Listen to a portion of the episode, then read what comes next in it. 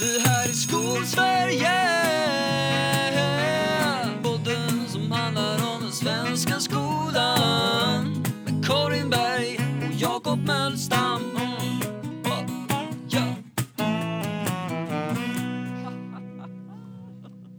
ja. Eh, det är otroligt härligt väder ute. Det är lördag, det är snart oktober. Jag har plockat in studsmattan.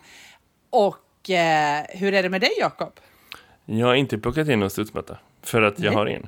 Och det är jag ganska nöjd över. Faktiskt. Nej, jag visste inte att jag hade någon åsikt om det. Men nu när du nämnde det tänkte jag, ja, jo, nej, det är jag nöjd över. men ja, det är ändå fint väder, det får man säga. Det känns som att det är liksom eh, en sista suck av sommaren någonstans. Och det kan man eh, få ha. Eh, för att få lite mer energi. Den här veckan har varit studiedagar, måndag, tisdag. Eh, och det behövdes. Alltså, jag har aldrig haft studiedagar som har känts mer mentalt för min egen motivation. Så här, ja men det där gills lite som ett minilov. Mm -mm. Jag har jobbat fulltid fortfarande, men, men bara för att mentalt inställa sig så här, nu har jag lite minilov, då åker jag fram till höstlovet, det kommer gå bra. eh, så att det har varit en bra vecka får jag säga. Så här Ja. studiedagar när man liksom har en chef som är sådär, nej men alltså okej, här är lite grejer vi behöver göra, så nu behöver vi diskutera och så. Och ni får den här tiden på er, typ, inte hela tiden, men nästan hela tiden. Att liksom lösa det. Och den tiden är över kan ni hitta på bra saker liksom själva. Vi behöver inte planera varje minut, utan det här blir bra. Klämt in ett APT, klämt in lite så här studiegrejer och så som man måste få gjort, men också ganska fritt kunna liksom så här, okej vi ska jobba med de här systematiska grejerna, ta hand om det. Och sen den tiden som är över, gör bra saker typ. Ja, grymt. älskar sådana studiedagar faktiskt. Jag tycker de är de bästa. Att man får de här systematiska sakerna som man måste utveckla, påminna sig om de rutiner som man har, vidareutbilda de kollegor som är nya, eh, diskutera de system som vi, som vi jobbar i och att man får uppdatera sig. Eh, men men Men man får ju mycket mera gjort då än att det kommer någon inspirationsgubbe som säger Åh. Nej, nej. Och jag menar liksom de här studiedagarna, eh, liksom en månad in, ganska exakt in på läsåret. De finns ju där för att man ska kunna stanna upp och vara så här, okej men vad är det som har funkat? Vad måste vi sätta oss ner allihopa tillsammans och prata färdigt om för att korrigera? Så att man liksom har tid att utveckla och förbättra. Det finns ju en poäng med det. Men också för att utvidga kunskaper och stödbehov och säga, okej men vart, vart har vi kommit hittills? Och vad är det som har, stod på den här listan av, du vet, det här får komma när vi har startat så som inte har kommit igång än, som vi måste börja med nu. Det är skitsmart att ha dem en månad in i ett läsår. Och sen måste jag säga, en grej som jag tycker är bättre i den organisationen jag jobbar i nu jämfört med den organisationen som jag jobbade i förut. Och som inte jag vet om det är så här, för varje huvudman lägger sina egna studiedagar. Men, men jag måste säga att jag är en stor vän av att lägga dem två och två. Istället för, och visst, då har man ju färre alltså tillfällen utspridda över året, men att man aldrig har en ensam studiedag, utan att det är liksom måndag och tisdag, torsdag och fredag, eller så. Eh, så mycket extra värt. Det, det blir som, nu ska jag liksom så här, för att fira att jag inte längre är fackligt ombud, så, eh, tala i arbetsgivarens sak. För det är så här, det är som att man ge, skapar 2,3 studiedagar typ. Det är liksom någonstans där jag skulle uppskatta att liksom utväxlingen ligger. Man får ut så mycket mer av att liksom vara en hel dag på jobbet och inte behöva tänka shit vad gör vi med eleven imorgon utan att, man har en dag när man är så här okej men vi kan fortsätta det imorgon. Vi jobbar färdigt med det nu, du går och tänker på det här, jag går och tänker på det här. Vi fortsätter det samtalet imorgon och så har man ändå tid att liksom tänka lite, lite klarare. Man kommer ingen vart på en ensam dag. Så, och det tog mig mer än tio år av lärare att förstå. Ja, men vi, och vi har ju inte så. Vi har ju inte haft studiedagar för vi är ju samma huvudman men en annan förvaltning. Så det kanske inte är samma huvudman, men kommunen är väl ändå samma. Ehm, men vi har inte haft studiedagar nu så, utan det beslutar varje skola för sig, vilket är jävligt rörigt eftersom skolorna är sammanknutna eh, med varandra. Ehm, Våra skolor funkar inte så. Alla har samma. och det är mycket bättre. Det är också mycket enklare, tänker jag, utifrån... Eh, jag tänker att man har barn på olika skolor och sådär. Eh, om man har... Eh... Ja, det där skiter jag fullständigt Jag tänker att det är bra ur ett förvaltningsperspektiv. Om man har kontroll över när studiedagar ligger så kan man också lägga ett eh, årshjul med liksom systematiskt kvalitetsarbete och vad rektorer ska lämna in mm. och vad man ska leverera. Där man också är så här, okej okay, men de här två dagarna, då behöver ni göra det här. Eller ni behöver ha tre avstängningsperioder som är på det här, det här sättet och här finns tiden för det. Då kan ingen jävel mm. komma och klaga. Då kan ingen liksom ha åsikter och säga, nej vi ska inte bli... Utan det är liksom... Det är piska och morot i fel liknelse, men det är liksom här, krav och villkor någonstans som finns i det. Som, som matchar på ett sätt som är att ta lite mer ansvar som liksom förvaltningsledning någonstans.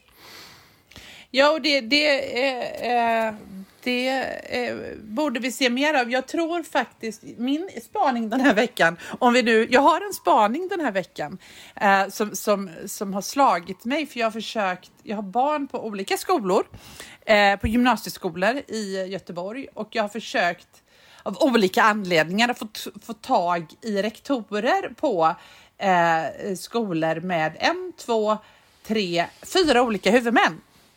Eh, och eh, de tre huvudmän svarar, eh, alltså man, om man mejlar dem får man svar under dagen. Eh, man, man kan ringa rektor och få prata med rektor eh, på, liksom, på tre av fyra skolor. Den fjärde skolan är min egen huvudman. Där är det i princip omöjligt att få tag i någon i ledningsnivå på en hel vecka. Eh, och då, är det, då undrar jag lite hur de har det på min egen huvudmans, eh, eh, liksom det här att man, nu, nu ringde jag i, i, i, egenskap av förälder, men jag tänker att om det är så svårt för en utomstående att komma i kontakt med när man då det gäller ens barn som, som liksom då är på skolan mm. på något sätt.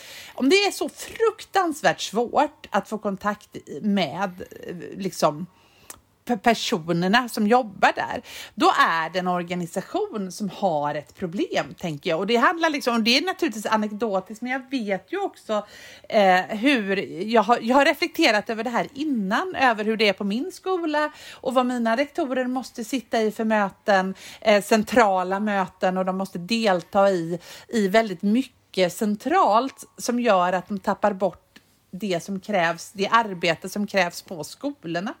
Eh, så jag tror egentligen att, att just det där att när man är en stor huvudman som, som, så behöver man se över och skapa just förutsättningar på ett sätt som gör att det går att leda varje skola på ett vettigt sätt. Men också krav. Krav på återkoppling, mm. krav på eh, kontakt, krav på liksom tillgänglighet någonstans. För vad det handlar om i grunden, det du beskriver, om man ska ta det till ett här, ur ett lärarperspektiv mm. någonstans, det är ju att liksom vem är det som är ansvarig för liksom de mötena någonstans? Vem är det som är ansvarig för eh, en vårdnadshavares möte med skolan som myndighet eller liksom en elevs eh, möte? Så. Det är klart mm. att lärarna har ett jättestort dag-till-dag liksom ansvar i, i mm. hur man kommunicerar med föräldrar och hur man är tillgänglig och hur man svarar och hur man liksom så, och det är inte vilka tider svarar du på PIM och på meddelanden och så, det är inte det utan det är liksom så här vad har man för språk? Vad har man för liksom, eh, svar? Vad har man för, för svarstid? Hur hanterar man liksom frågor som mm. kanske inte själv är riktigt ens eget område eller så. Men också eh, så måste man ju förstå att liksom eh, ett bra jobb för det kommer ju inte av sig själv. Utan för att, eh, om inte annat om du har, vi är 96 lärare på min skola. Alla mm. kommer inte vara bra på det om det inte finns en struktur där den som är chef också är så här, allting som du inte fattar, bara skicka det till mig, jag hjälper till. Så. Allting mm. som är svårt, skicka det till mig. Om en förälder är så här, ja men jag kommer gå till rektorn. Se inte det som ett dåligt, en dålig sak, för då är vi två som svarar. Och jag kan vara the bad guy i alla situationer, det är lugnt. Jag, jag har inte svårt för det. Eh, och det är inte någonsin så att du ska behöva oroa dig för att liksom bli så här, kastad framför bussen av din chef. Så, så, så borde man ju någonstans hantera det. Men då måste man mm. också finnas tillgänglig och finnas nära och finnas liksom med på det. Jag minns när jag vikarierade i, i, under tiden jag pluggade så var jag på lite olika skolor och vikarierade samtidigt. Mm. För jag hade liksom inte tålamod att bara studera heltid. Det kändes ganska töntigt, liksom, för det är långt ifrån heltid. Eh, så. Och då var jag på en skola i en kranskommun mm. till Göteborg. Eh, och vikarierade några gånger. Och så träffade jag rektorn efter ett par dagar i rastrummet. Så. Vi pratade och hur går det och så. Och så berättade den här chefen för mig att så här, Ja, nej, men jag har ju som, som princip att inte röra mig i korridorer och inte vistas bland elever och så för att jag vill inte förlora min auktoritet. Nej, men. så, men som, som en självklar grej, liksom, det, var så här, det var inget så här, stort så här, ställningstagande men det var också så här, ja men jag är på mitt kontor, liksom, där, där är jag. Så. Man bara, okej, spännande. Och 10 år senare går jag fortfarande, eller 15 år senare går jag fortfarande fundera på det och så här, vad, vad, vad, vad är det, vad har man för bild av sig själv någonstans? Och det finns ju i det här också. Och är, det, är det en grej för att det är en kommunal skola eller fristående skola i andra kommuner? Nej, det tror jag inte. Men, men jag tror egentligen det handlar om, så vad man har för lokalt ledarskap och vad man har för liksom, inställning i det. Att man liksom någonstans förstår att liksom bra bemötande. Jag vill inte prata om så kundtänk och service och så för det, det som ligger in värderingar och så. Men ett bra bemötande överhuvudtaget kommer från att eh, den närmsta chefen har det också och föregår med gott exempel så. Sen visst, okej, man Men- kanske kan tänka att friskolor är liksom, man, man säljer en produkt som är känsligare och man kanske har lättare att byta bort och så, men liksom, nej, jag, jag tror inte det Men jag, finns en tror mönster. också, men jag tror också, Jakob, att man... Eh, jag tror också att det finns någonting ruttet in the, det, i staten av Danmark. Det är ett citat från Hamlet som var väldigt dåligt citerat av mig just nu. Men det finns någonting Shakespeare hade varit in... arg. Eh, Men det är någonting ruttet i vår förvaltning uppe hos oss som vi skulle behöva se över. Jag skulle liksom vilja rota i det, för det är någonting som händer när en person som vill vara tillgänglig, eh, alltså när, när det liksom går förlorat i att man sitter på mycket centrala möten, man är mycket på liksom centralt eh, Alltså det, när, när det ska samordnas så mycket och det blir, jag har tänkt på det så länge att vi jobbar liksom, vi jobbar inte neråt i organisationen utan vi jobbar uppåt i organisationen. Alltså att, att, eh, att jag har liksom ingen stöttning av, av huvudmannen utan jag ska stötta huvudmannen. Det blir mitt jobb att liksom ge Mm. Nej, men jag förstår saker. precis vad du säger och, och jag kan mycket väl tänka mig att det är sant inom den verkligheten du finns i, men min poäng är att jag tror inte man kan säga, även om det är lockande, att, att dra den slutsatsen att det där är ett kommunalt problem. Så. Nej. Det finns jättestora friskoleorganisationer och koncerner som dras av samma liksom, tunga byråkrati. Det finns massa kommunala förvaltningar som ändå är bättre på det. För man har ledarskap och visst, det behöver finnas på alla nivåer. Så, men liksom, om vi bara fokuserar på första linjens chefer någonstans och, och vad de är för förebilder för sina medarbetare så tror jag att det, det hade varit förvånande om det inte var eh, ganska jämnt fördelat, både de bra och de dåliga organisationerna runt det, eh, tänker jag. Ja, ja. Och en utav, utav de här fyra så var två kommunala och två fristående ska jag säga. Så att det var liksom, det, men, men den som stod ut var min egen organisation. Det var väl det som var lite spännande. Eh, Ja, och det är ju spännande att få se det naturligtvis ur, ur ett utifrån perspektiv, eller så här, få Ja. se det från ett annat perspektiv och så här, vad, vad folk för möten när de kommer till din skola, eller så. ja, men och sen kan det precis. ibland Jag- vara olika, det kan vara måndagsex och det kan vara lite dåliga liksom, diskussioner och samtal och så. Mm. Det där är eh, fascinerande, men man behöver, och jag tror i grunden att det hänger ihop med så här, effektivitetstankar och kvalitetstankar och vad det är egentligen man vill få ut och så. För, Mm. att, liksom, för att uppnå en högre nivå av kvalitet så styr man mer och mer och man, man strukturerar mer och mer och man planerar in mer och mer och liksom en grej som man tar bort för att uppnå högre kvalitet är ju liksom dödtid så. Ställtid, dödtid, paustid, oplanerad tid, sånt som finns mellan liksom olika saker som är schemalagda och planerade i förväg så. För att det är ju tid som man kan lägga in till att planera mer saker. Det är naturligtvis eh, logiskt. Men problemet är att det händer ju alltid i alla verksamheter. Skolor, chefsjobb, inom vården, inom, inom företag, inom, inom alla organisationer så händer det ju alltid oförutsedda saker. Och det måste finnas utrymme i organisationen att hantera det. Vare sig det är liksom personer som jobbar som byråsekreterare eller om det är lärarassistenter eller om det är att lärare har mer tid eller liksom första linjeschefer har mer tid eller så. Man det känns som att det borde aldrig vara en dålig bett att ha lite, lite, lite utrymme för att så här, ja, ja, men ta hand om det du behöver göra. Det kommer finnas bra saker att göra. Det kanske inte är samma sak som du gjorde förra veckan eller liksom nästa vecka, men det kommer finnas saker som dyker upp som är så här, "Nej, men bra, då tar jag det nu. Och att folk men antagligen presterar bättre om man hade liksom mer tid för det. Det kanske hade varit ett bra sätt att göra folk mer tillgängliga, så för föräldrar exempelvis, eller så. Ja men eller hur, du kan ju aldrig veta om du kommer att ha 30 eh, mejl från föräldrar en dag och inga en annan dag. Men jag tror att luft i systemet gör ju, luft i mitt system gör ju mig till en bättre lärare. För att då kan jag liksom också hantera det jag ser eh, som händer framför mig naturligtvis. Men det är också så här att liksom, om det är en dag när du inte har 30 mejl men du ändå har mm. tid för att svara på lite mejl och så, eller vad det nu kan vara, mm. då har du mm. tid att ta, ta tag i den där saken som är så här, men jag borde prata med kuratorn om den här eleven som inte är utåtagerande men som uppenbarligen behöver hjälp med det här och det här, eller jag har tid att checka in med de här föräldrarna, eller liksom jag har tid att mm. hantera den här saken som är vad det är. Jag ska ge ett superkonkret exempel som inte på något sätt är liksom utlämnande för någon elev eller förälder eller så. Jag har mm. i över ett års tid tänkt att jag ska ta kontakt med den återförsäljaren av 3D-skrivare som jag har sålt 3D-skrivare till min skola. För jag har lite konkreta frågor jag vill ställa om tekniska saker, typ uppdateringar och liksom hur hanterar man det här och det här och så. Det mm. stått på min att göra-lista. Någon gång ska, när jag har tid över ska jag göra det här. Ett, ett och ett halvt år. det, man har ju ganska många sådana saker alltså, i alla ja. möjliga olika världar. Ja, men du vet en elev som jag mötte första gången som säger, ah, här är det, det här är det här. Det borde mm. vi någon gång ta tag i. Och så blir man bara mer och mer bekräftad i det. Men det blir aldrig riktigt gjort. Eller liksom, man behöver fixa det här. Eller liksom, bara mm. så, okej, okay, men idag har jag ingenting. Nej, nej, men då går jag med på en kollegas lektion. Eller jag går och sätter mig och chillar bland, i de utrymmena där eleverna hänger. För då kommer det fram någon som har frågor. Eh, så. Mm. Jag hade faktiskt det i min tjänst när jag började som utvecklingsledare förut. Eh, så. Då hade jag och min närmsta kollega som jag jobbar mycket med i par.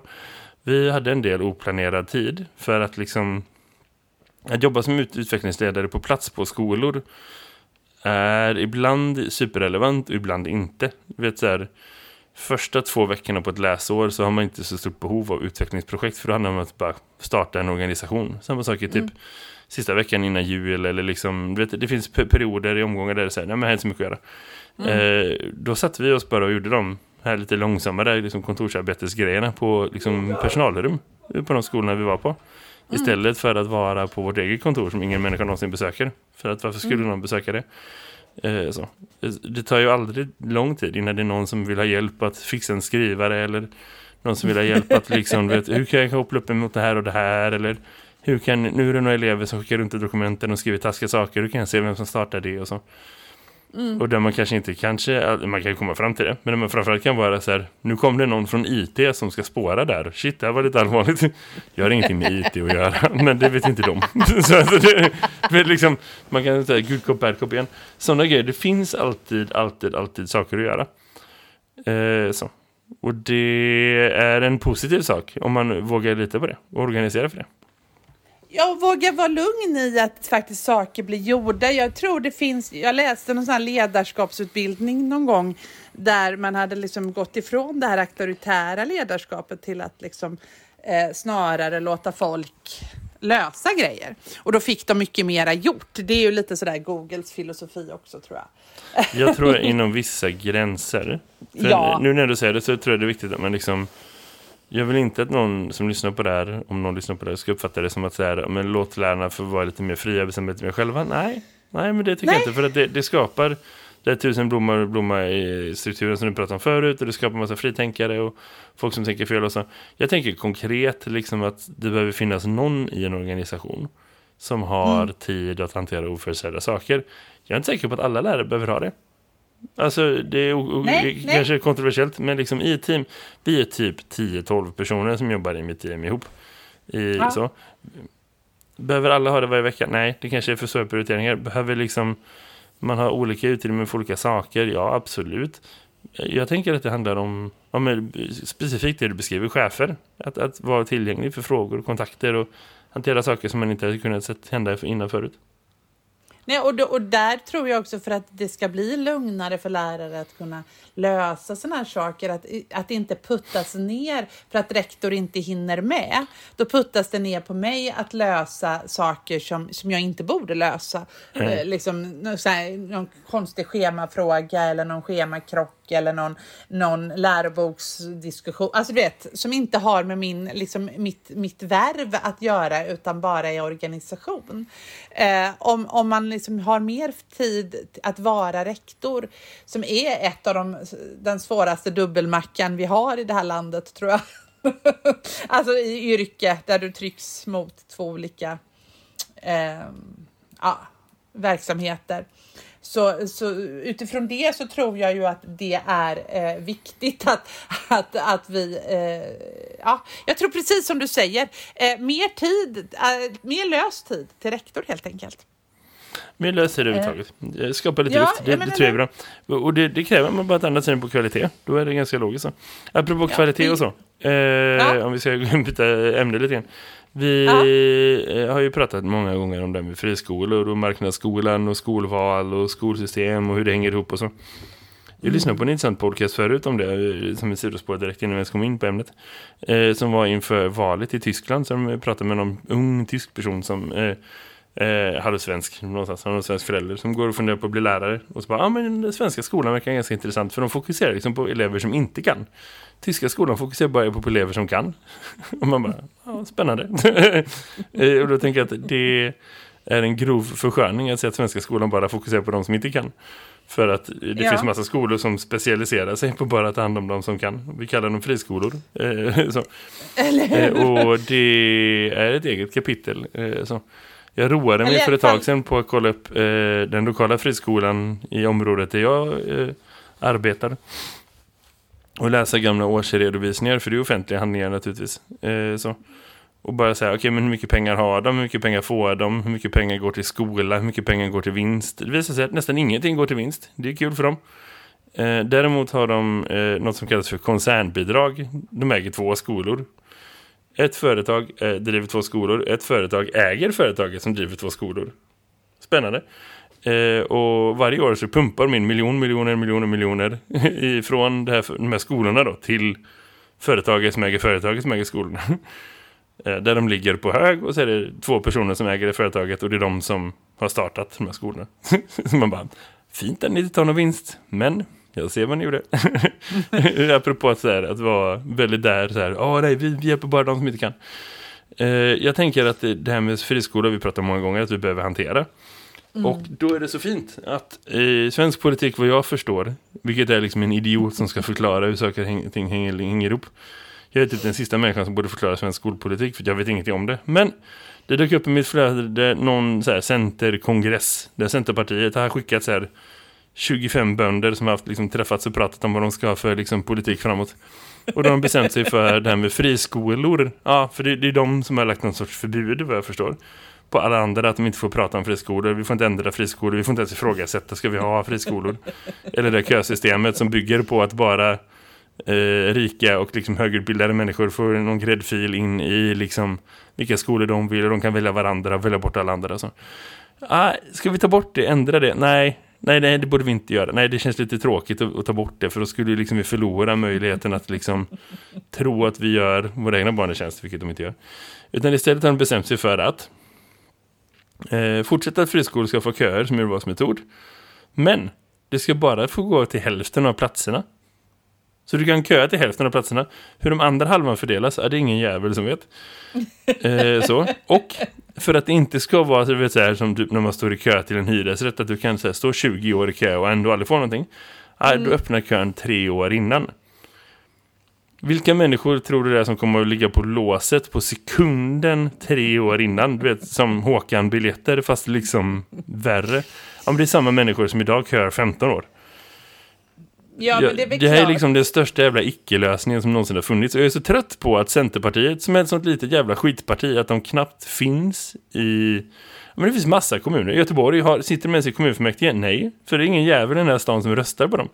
Ändå så ska de bestämma hela liksom svensk skol... Vadå, 90... Om, om jag gissar hur stora de är, skulle jag säga 93% röstade inte på dem i förra valet. Okej. Det känns superrimligt att de ska få vara med och bestämma saker överhuvudtaget. Nej. Ja, de får väl vara med och bestämma om de kommer överens med de andra. Men jag tror faktiskt, Jakob, om jag ska, eh, om jag ska tolka det här.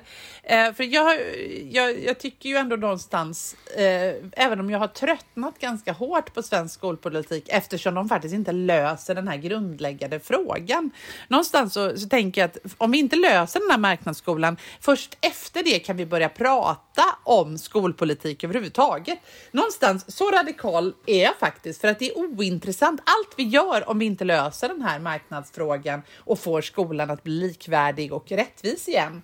Mm. Eh, då, allt annat är ointressant. Vi kan prata om betyg, vi kan prata om eh, betygssystem, vi kan prata om måluppfyllelse, vi kan prata om läroplaner. Men det blir ointressant om inte den här grundbulten är löst. Och någonstans så är det väl lite så att, att det du läser där nu, det är ju någonstans så att Centern har förstått att marknadsskolan är död. Eh, De har förstått att marknadsskolan är dålig för alla våra elever och den är framförallt skitdålig för Sverige som ekonomisk eh, stat. Eh, det går dåligt. OECD skrattar åt oss. Eh, alla skrattar åt oss. Ingen vill ha vårt system. Och någonstans vet man om det. Och så, har den här, så ligger den här Åstrandsutredningen som är då en utredning som, som har gjorts av den nuvarande regeringen, alltså Socialdemokraterna och Miljöpartiet. Och de har eh, och i den så finns det liksom ett första steg att faktiskt begränsa marknadsskolan. Och eh, eh, om den, eh, men för att, men Centern har ju varit sedan januariavtalet då tvär emot, alltså supermycket emot eh, eh, liksom allting som har med att diskutera förändringar inom den här marknadsskolans upplägg. Alltså Men de har förbjudit regeringen att ens ha någon diskussion om det. Det får inte ens finnas med. Det- det- Jag är imponerad att de ens får utreda hur det ska vara i framtiden. Det känns i sig som att det kanske var att bryta januariöverenskommelsen från början. Nej men eller hur, men de får inte liksom, de får inte verka, eh, ha någon politik som just nu, alltså Anna Ekström får inte som minister driva den eftersom hon har gått med på Och januariavtalet. är det rimligt att ett litet extremistparti ska få bestämma det? Nej. Nej, det kan vi diskutera. Men däremot så tycker jag att jag tycker mig se att de lägger det här på sin stämma nu. Den här eh, jättekonstiga lösningen. Men jag kan tänka mig att när då vi väl sen ska rösta fram Åstrands förslag, när det nu ska läggas, jag vet faktiskt inte riktigt när det Vi pratade är. om det när- sist också, herregud. Ja, någon gång borde är någon av oss kolla upp detta. Men det är Ja, ingen som jag, bryr sig. jag har verkligen försökt att kolla upp det, men det är väl här nu någon gång. Men när det ska röstas igenom så måste ju Centern, Centern kommer ju att säga ja till Åstrand. Men det kommer de att säga, det är ju det det här säger. Och så kommer de att säga att ja, men vi kompromissade, vi ville det här men vi har kompromissat till det här. Eller så kommer de få in någon konstig eh, kötidsgrej i Åstrands förslag och så kommer de att säga kolla vi hade inte fel, marknadsskolan var ganska bra i alla fall lite grann. eh, och så kan de säga att de har inte ändrat sig, de har bara gjort en ny bedömning. Och så har de liksom någonstans eh, eh, vunnit, eller i alla fall inte förlorat. Eh, så, så tror jag Och faktiskt människor som är. har tagit ut miljoner kronor över åren på att Ja. liksom råna barn på pengar som skulle varit deras utbildning. De kan fortsätta rösta på Centerpartiet och må bra över det. Jag är inte säker på att det är en vinnande strategi att liksom satsa på att de människorna ska bli ens väljare. För att ja, visst, det finns. Vi har ganska många sådana företag. Men det är inte ens för Centerpartiet mått med stora siffror. Liksom, är du med? Nej, men det finns ju människor som tycker att, som inte förstår. Jag tror att det är ganska många människor som inte sitter i den här skolmarknadsdiskussionen eh, som förstår hur skadlig den faktiskt är för Sverige. Eh, för att man är vanlig, man, man engagerar sig inte så Martin mycket i de Ådahl som sitter i frågorna. partistyrelsen för Centerpartiet sa på Ja. varför jag lyssnade på ett klipp. Men hörni, snälla vänner, vi måste förstå att aktiebolag måste få gå med vinst. Man bara... Du är dum i huvudet. Och det står jag för. Ja, jo, jo, det, det, det, för att man har inte förstått själva grundfrågan då. Eh, för att det är ju Men hur kan man inte förstå grundfrågan? Men en- Vi pratar om skolor. Skolor håller på med utbildning. Det är typ så Ja. långt man måste förstå. Att en friskola är inte ett företag först, det är en skola först. Alltså det är så här, se en, visa honom en bild på huset där den här verksamheten bedrivs, så förstår man vad det är för verksamhet. Gå in på Wikipedia och på artikeln grundskolor och kolla på alla de här bilderna på grundskolor som finns på Wikipedia. Aha! Jag minns det, jag gick den när jag var liten. Och sen är man klar med den diskussionen. Alltså vad är det för människor vi måste ha som politiker i det här landet? Jag förstår inte. Men jag, nej, jag vet, eh, med tanke på hur, hur länge vi har hållit på med det här tramset så kan man verkligen undra. Men, Eh, för att det är ju lite sådär att, att när man säger någonting om marknadsskolor i i det här, alltså om man skulle säga det i, i, i ett politiskt sammanhang till till exempel Liberalernas skoltalesperson eh, Roger Haddad. Eh, om man säger att här, jag tycker marknadsskolan, alltså du måste titta på alla de här utredningarna som har gjorts från OECD om hur skadlig marknadsskolan är. Då svarar han, då får man svaret, du hatar valfrihet. Och man bara, fast va? Det var ju inte det jag sa. Jag sa liksom inte det överhuvudtaget. Eh, så att någonstans så har de inte, de vill inte förstå, de vill inte lyssna och frågan är varför egentligen. Men jag måste ändå säga att det som har hänt den här sista veckan, för vi pratade ju förra veckan också om eh, det, så har ju ändå Anna Ekström och de eh, lagt fram Alltså Socialdemokraterna har lagt fram att de vill gå, gå alltså ett, eh, en, en sak som de lägger fram till kongressen nu i november, att de ska driva i nästa val, det är att eh, man ska inte få ta ut vinst i svensk skola.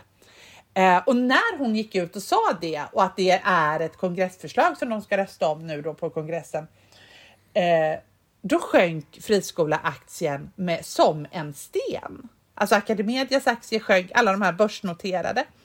Och det ligger ju, med tanke på att eh, det hände, så tänker jag att liksom marknaden börjar förstå att friskolan faktiskt är död. Och då tänker jag så här att de som, det finns liksom två personer i Sverige som har sett till att döda friskolemarknaden. Det är inga politiker, det är ingenting, utan det är ju den här tankesmedjan Balans som enträget, enträget, enträget har pumpat ut information om och skrivit debattartiklar om det här i någon slags gräsrotslobbyism och har då på något sätt lyckats döda marknadsskolan.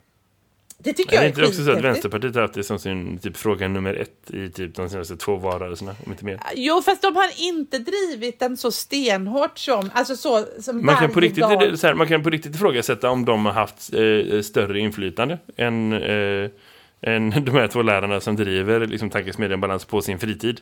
Eh, så. Eller hur? Där någonstans ska man verkligen tänka att det är... Eh, det är imponerande liksom. Det finns en väldigt, väldigt tilltalande så här, David mot Goliat liksom, eh, berättelse där. Och man måste vara super, super tydlig när man pratar om det. Att också vara tydliga med att liksom, eh, de har inga så här, stora backare, de har inte en massa pengar, de har inte liksom, miljarder av någon människa som kommer tjäna miljarder mer. Liksom så. Utan det är eh, månadsgivare. Folk som tror på det de gör och folk som liksom eh, håller med om den väldigt enkla grundprincipen att vi ska inte ha liksom eh, vinstdrivna friskolor. Så. Vi ska inte ha liksom stöld av skattemedel på det sättet. Och det borde man bli en sån månadsgivare. Kan man surfa in på eh, tankesmedja balans och kolla upp hur man gör det. Det borde Nej, ingå i, lika självklart som att man som lärare betalar fackavgift eller så. Borde man liksom ja, pynta in det ja. på pengar för att tänka på de lärarna som tvingas slava i friskole liksom världar för att liksom tjäna pengar åt sina mästare någonstans.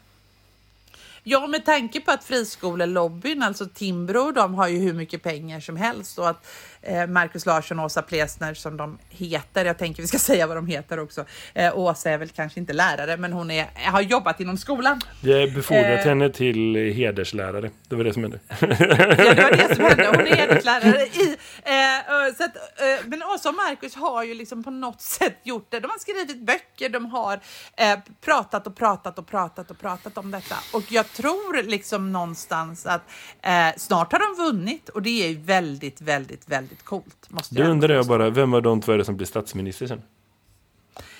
Ja, eh, eftersom vi har... ja, vi kan ta vem som.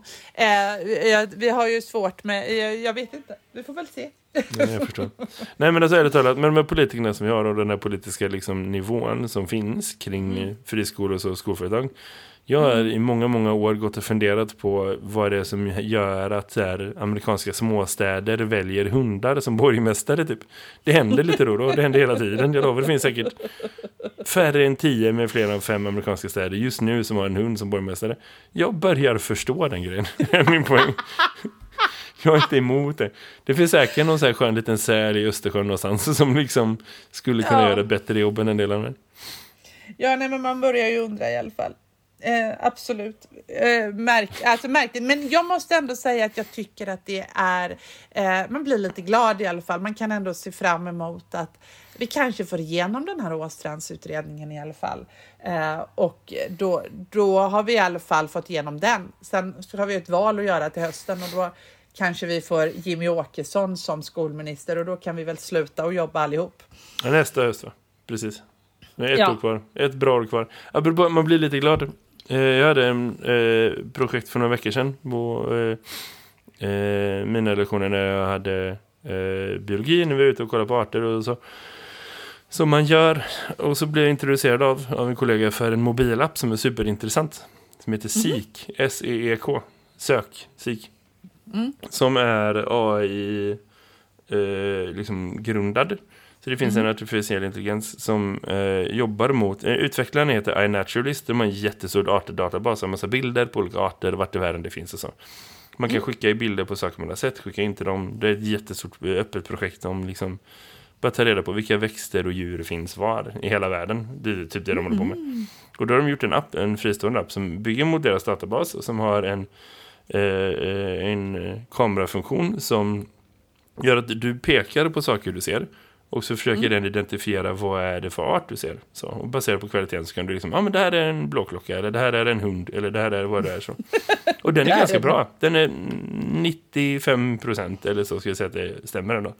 Ibland så får de så här jättekonstiga grejer men det är så här så. Så jag tänkte så här, men det här ska vi använda för att liksom inte bara vet, så här, gå ut och leta efter de här fem sortens löv och så somnar man innan man ens kommit ut. Utan liksom vi ska verkligen kartlägga vad det är som finns och hur hänger de ihop och vad är vad. Eleverna blev super, super taggade. Eh, och de började, började, den första gruppen jag hade var så här, de, vi tog en promenad runt eh, i närområdet så var så här, en timme typ. Och de var så här, ah, vi måste hitta med, vart finns det överallt? Och jag fick liksom valla dem framför mig. De tog hur lång tid som helst att bara komma någonstans. För de ville liksom undersöka varenda liten växt som eh, fanns. Eh, så då kom jag på att, ja ah, men jag vet, vi gör det här till en liksom tävling på skoj. Så jag sa till dem att om, om två veckor så, och nu blir det tre veckor men då. Om tre veckor så ser vi vem som hittar flest olika djurarter och så fixar jag ett pris till den vinnaren. Jag tänkte jag ska 3D-printa en, en staty eller så. Eh, och det har jag gjort. och då eh, var det deadline igår kväll. De hade förhandlat sig till att de skulle få fram till midnatt för de skulle ha mer tid att gå ut och leta. Och jag bara så här, shit, det här är folk som har tagit det här på större allvar än vad jag trodde. liksom, jag tänkte framför mig så här, vet, på vägen till och från skolan, kanske på skolgården och de här lektionerna. Vi har, haft, vi har lagt kanske eh, två timmar per elevgrupp liksom på det här totalt under tre veckors tid. Sen har jag gjort andra saker och så. Nej, de som klockar in på det här har hittat du är vi är två personer olika som måste jämföra lite och se vad som händer. Men de påstår att de mellan sig har hittat den ena av dem 270 arter och den andra typ 150 liksom. Det kan Oj. vara visst överlapp i det, men ändå liksom, de påstår att det är ganska olika så. Men någon har ju uppenbarligen hittat nästan 300 unika arter. Och man blir så här, eh? What? Vad hände här? Jag är så grymt imponerad av liksom eh, det engagemanget som har dykt upp från ingenstans. Eh, och jag tänker det är ett sånt bra tips att man inte kan låta bli att ge det till andra människor. Det är ganska kul, jag har för mig själv. När man, eh, Ja. Det tar lite för mycket batteri för man ska ha det hela, hela tiden. Men när man är ute och går och ser man, ah, vad är det här? Dra upp den här kameran, filma, bara, ah, okej det är en sån. Coolt.